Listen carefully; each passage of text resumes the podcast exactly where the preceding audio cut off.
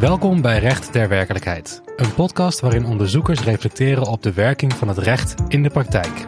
We laten onderzoekers aan het woord die een bijdrage hebben geschreven voor het tijdschrift Recht ter Werkelijkheid.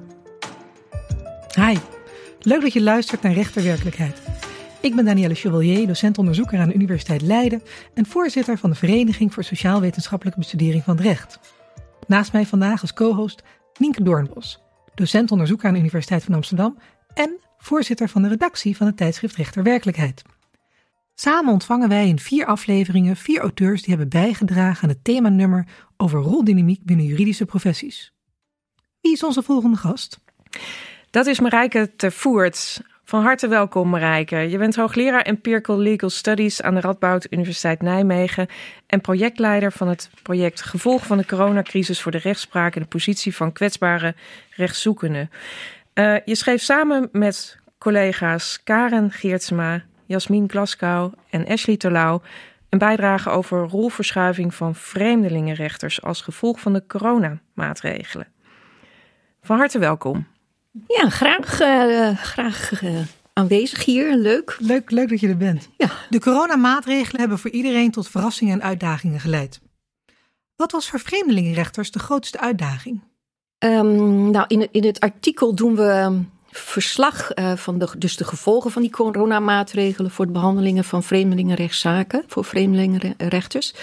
En um, voor vreemdelingenrechters was het vooral een uitdaging om met die uh, hele nieuwe omstandigheden, dat er bijvoorbeeld geen fysieke zittingen mogelijk waren, die waren ja, uitgesteld. Mensen konden niet uh, naar de rechtbank. Uh, daar moesten, ja, zaken moeten toch doorgaan. Dus er moesten oplossingen voor verzonnen worden. Uh, van hoge hand zijn er dus nieuwe maatregelen bedacht, nieuwe protocollen, waar uh, ja, vreemdelingenrechters ook aan moesten voldoen. er zijn dus tijdelijke maatregelen ingevoerd, zoals bijvoorbeeld het mogelijk maken van online zittingen. Maar er zijn ook meer schriftelijke afdoeningen van zaken bewerkstelligd. Toch om zoveel mogelijk zaken natuurlijk af te kunnen doen. De zaken kunnen niet stil liggen. Maar uh, vreemdelingenrechters hebben natuurlijk ook uh, beroepsnormen. Die gelden voor, vreemdelingenrechters. Er is een bepaalde professionele standaard opgezet. En dat is dat de mondelinge zitting juist centraal staat. Ook snelheid van zaken.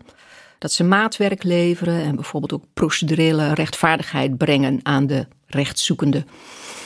Dus goed luisteren naar de rechtszoekende en dat die uh, het idee heeft dat hij een eerlijk proces heeft uh, gekregen. Het zijn belangrijke normen. En ja, door de, de coronacrisis voerde dus de rechtspraak nieuwe tijdelijke regelingen in. En onder andere werd dus het mogelijk gemaakt door gebrek aan zittingsruimte om zaken schriftelijk af te doen en via beeldbellen. En dat riep natuurlijk de vraag op of die professionele standaarden kunnen worden nageleefd in het licht van die coronamaatregelen. Dus zowel die, eh, die, die professionele standaarden als die coronamaatregelen betreffen eigenlijk voor rechters opgelegde normen over hoe ze hun rol moeten vervullen. Dus we hebben onderzocht hoe, uh, die rechters met die situatie zijn omgegaan.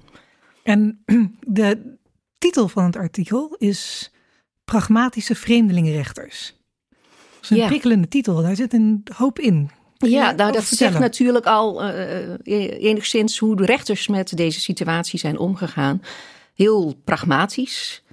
Ze hebben geroeid met de riemen die ze hadden en, en wat er mogelijk uh, was.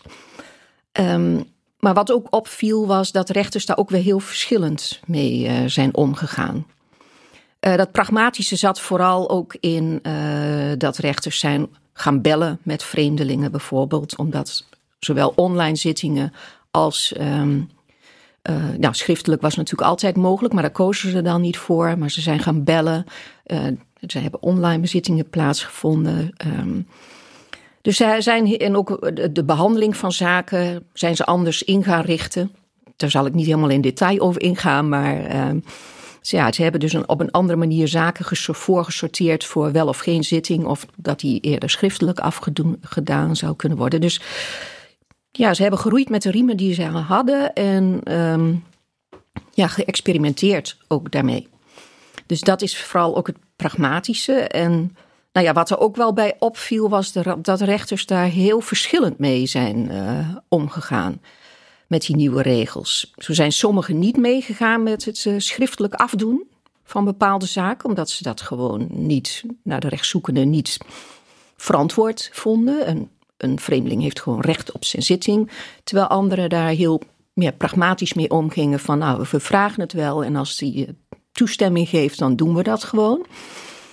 Um, en wat dan ook heel erg opviel, is dat dus inderdaad binnen die, die, die uh, coronamaatregelen en die professionele standaarden, of binnen die, die professionele standaarden, spanningen optreden. Want ga je voor snelheid uh, en dus kies je voor een schriftelijke afdoening, dan kan de zaak tenminste doorgaan. Omdat ja, het wachten op een keer een fysieke zitting waar, waar schaarste naar was, um, dat ging dan, ja, dat, dan zou de vreemdeling lang moeten wachten. Ze, ze legde de vreemdeling voor, wat, ja, of de advocaat van wat wil je.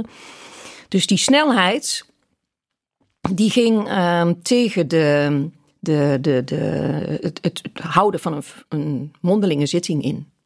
Ja, even een vraagje tussendoor. Want als vreemdelingenrechters gaan bellen met een vreemdeling, hoe zit het dan nog met de openbaarheid van de rechtspraak? Was dat nog een overweging in deze periode? Daar hebben we het in, uh, in dit artikel niet specifiek uh, over gehad. Maar inderdaad, die openbaarheid van zittingen is, uh, is, staat ook op gespannen voet hè, met online zittingen en het bellen over zittingen. Maar in, in een in een bredere context, wat we, waar we dit onderzoek in doen, hebben we wel vastgesteld dat daar ook rechters heel pragmatisch mee omgaan. Van nou ja, in de huidige zittingen eh, is die, die eis van openbaarheid toch wel ondergeschikt aan uh, het horen van rechtszoekenden. En ja, het is dan misschien wel openbaar, maar zo vaak wordt er niet, uh, laat maar zeggen, van buitenaf meegekeken naar zo'n zitting. Dus wat is openbaarheid hè? In, die, in die zin? Ik ga weer terug naar, uh, naar, naar, het vorige stukje. Zo van, uh, de rechters zijn pragmatisch geweest. met wat tijdelijke maatregelen voor gevolgen hadden. maar je vertelde, ze hebben ook geëxperimenteerd. En heel leuk, een van de vragen die jullie in het artikel ook stellen, is van um, zijn de veranderingen die er, die er zichtbaar zijn geweest, zijn die tijdelijk of, of blijvend? Ja, dat is inderdaad wel een, eh, een mooie vraag. En de rechtspraak is daar nu nog mee bezig. Je ziet inderdaad bij het vreemdelingenrecht bijvoorbeeld dat um, bijvoorbeeld het houden van online zittingen. Um, dat was trouwens in, in bewaringszaken, was dat altijd, werd dat al gedaan. Hè? Dat als vreemdelingen in detentie zitten, werd er altijd al een videoconferencing, was al een uh, mogelijkheid. En die is juist tijdens de coronatijd uh, minder geworden, omdat strafrecht voorrang kreeg. Maar goed, dat terzijde. Maar ook buiten de vreemdelingenbewaring zitten ze er wel over te denken of online zittingen niet een waarde voor de toekomst kunnen hebben. Want het heeft ook positieve aspecten. Bijvoorbeeld, dat melden we ook in het artikel, Um, is het nu mogelijk in uh, reguliere vreemdelingenzaken, waarom, waar het over verblijfsvergunningen gaat van vreemdelingen.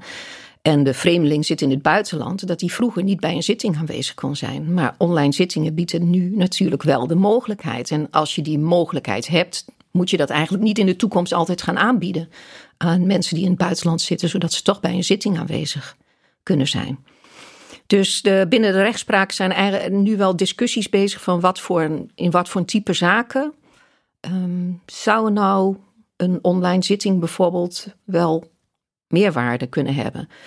Maar je ziet wel, of dat zien wij ook, we zagen wel in de gesprekken, dat rechters hier heel anders in kunnen staan. Je ziet al dat tijdens de coronamaatregelen uh, sommige rechters bijvoorbeeld uh, nooit schriftelijke afdoeningen deden in bepaalde zaken. En altijd de vreemdeling wilden horen. Terwijl anderen zoiets hadden. Nou, ik vind het een uitkomst. Uh, ook omdat je veel makkelijker een zitting kunt regelen. En als iemand uh, wat klachten had, kun je een zitting toch door laten gaan. Ehm, dus ja, de, de meningen zijn daar eigenlijk heel erg over verdeeld. En trouwens ook binnen de advocatuur. Ja, ja wat er nu, of nu een blessing in disguise is of niet. Helder, leuk. Of, of de tijdelijke maatregelen blijvende veranderingen teweeg brengen dat uh, de verdict is still out. Ja. Dat, um, misschien is dit het, maar misschien is het anders. Ik is, is er Is er één bepaalde bevinding die je zelf is bijgebleven of die je zou willen uitlichten? Um, en welke en waarom? Welke ik zou willen uit. Ja, ik, ik vond de. De, de, als, als we het weer over de rol van de, de rechter hebben, vond ik het wel uh, fascinerend dat de, ja, de rechtspraak staat toch bekend als een wat conservatief uh, bolwerk. bolwerk of uh, ja, rechters gaan niet heel snel met de tijd mee, vooral als het over ICT gaat. Maar dat de coronacrisis toch heeft gedwongen om, ja, om te experimenteren of om mee te gaan hè, met online zittingen of op een andere manier van afdoen. En dat rechters ook zelf dat inzicht hebben gekregen van hé. Hey, um, wat anders misschien wel allemaal juridische fundamentele discussies had opgeleverd, hebben ze nu toch allemaal een beetje kunnen proeven van, nou, er zit misschien af en toe best wel wat in.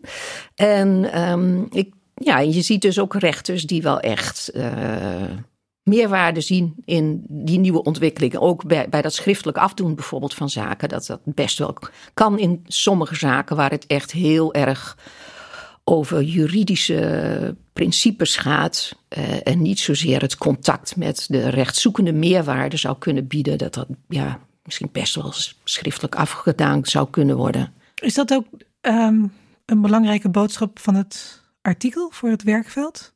Ja, ik denk dat het, uh, wat het artikel ook wel teweeg brengt, is dat er binnen de rechtspraak nog best wel discussie bestaat. Dat, dat rechters verschillende posities innemen in dit spectrum. Dus dat het laatste woord daar nog niet over gezegd is. En je ziet ook dat sommige rechters um, de, de maatregelen werden van bovenaf opgelegd. En sommige rechters waren het daar helemaal niet mee eens. Ook vooral bijvoorbeeld de prioritering van zaken. Strafrecht ging bijvoorbeeld voor wat zittingsruimte betrof en ook wat videoconferencing betrof. En ja, vreemdelingenzaken werden echt, bijvoorbeeld bewaringszaken van uh, vreemdelingen die in de detentie zitten, die, die werden op een lager plan gezet dan uh, de verdachten in uh, strafrechtszaken. Sommige rechters waren het daar niet mee eens. Dus ik denk dat het, wat ook de meerwaarde van ons artikel wel is, dat er ja, binnen de, de, de rechtspraak mocht zich weer zo'n situatie voordoen. Het laatste woord nog niet gezegd is. En dat misschien intern ook nog eens een goede discussie gevoerd moet worden binnen de rechtspraak. Duidelijk, duidelijk. Ik, heb, ik ga even een sprongetje maken, want uh, jullie hebben onderzoek gedaan naar de impact van de, de coronamaatregelen op het werk van de vreemdelingenrechters. Maar wat is de impact geweest van de coronamaatregelen op jullie werk als onderzoekers in dit onderzoek? in het onderzoek. Nou, het heeft ook bij ons heel veel voordelen opgeleverd in de zin dat allerlei interviews uh, online konden gebeuren. Dus het, dat is, heeft heel veel tijd bespaard, moet ik zeggen. En iedereen had natuurlijk ook die faciliteiten nu om dat mee, via online uh, interviews mee te kunnen werken. Dus dat was wel ook echt de meerwaarde voor uh, ons onderzoek, moet ik zeggen, dat het wel tijd heeft bespaard. Het heeft ook nadelen opgeleverd, want we, ja, dit, dit onderzoek is onderdeel van een breder onderzoek dat we uitvoeren in opdracht van Zon en en ook samen doen met de universiteiten Utrecht en Leiden. Naar um, het effect van de coronamaatregelen op um, de, de fundamentele rechten en de procedurele uh, rechtvaardigheid die de die kwetsbare rechtszoekenden ervaren. En dan niet alleen in het vreemdelingenrecht, maar ook voor uh, jeugdigen die onder toezicht zijn gesteld of uh, uit huis zijn geplaatst en onder verdachten in strafzaken. Het heeft ook nadelen opgeleverd, omdat we bijvoorbeeld in gevangenissen geen vragenlijst uit konden delen. Of, of ook in vreemdelingen die in bewaring waren gesteld, mochten we ook niet het detentiecentrum in. Dus dat is allemaal op afstand gebeurd. Dus het heeft ook nadelen opgeleverd voor ons onderzoek. Ja. Helder. Maar misschien is het de mogelijkheid om online te interviewen een van de blijvende veranderingen, uh, ook uh, die, die hier uh, op, te, op te merken zijn. Ja, ja, ik denk het ook zeker. En ik vind ook, um, kijk, vaak wordt, als, als we naar de toekomst kijken, over online zittingen bijvoorbeeld, wordt wel vaak gezegd dat de, de non-verbale communicatie daaronder te lijden heeft. Um, er zijn echter ook rechters die zeggen: Nou ja, als de videoverbinding echt goed is, dan zie ik eigenlijk meer. Ik zie dat gezicht van de verdachte of de vreemdeling veel beter dan uh, als die daar uh, 10 meter afstand in de rechtszaal uh, zit. Dus ja, dat gaat niet altijd op. En ik, ja, ik vond ook, dat, ja, ik ervaar dat zelf ook wel bij die online interviews, dat het ook meerwaarde kan hebben. Helder, dankjewel. Heel hartelijk dank Marijke, heel interessant. En het artikel van Karen Geertsema, Jasmin Glasgow, Ashley Telau en Marijke te Voert is te lezen in aflevering 2021 nummer 2 van Rechterwerkelijkheid. En Danielle, ik zit te denken, vorig jaar hebben wij ook een mooie podcastserie gemaakt. En die ging over corona en recht. Dat klopt. Ja, we hebben enige ervaring inmiddels. Maar uh, het thema van deze week sluit ook heel goed aan. Natuurlijk bij uh, dat thema en in het bijzonder bij de bijdrage van Frans van Dijk en Eddie Bouw. Dus voor de geïnteresseerde luisteraar uh, zou ik zeggen, kijk nog even in je favoriete podcast-app naar die eerdere afleveringen ook van onze podcast Rechte Werkelijkheid. Marijke, heel hartelijk dank. Dankjewel. Ook dank.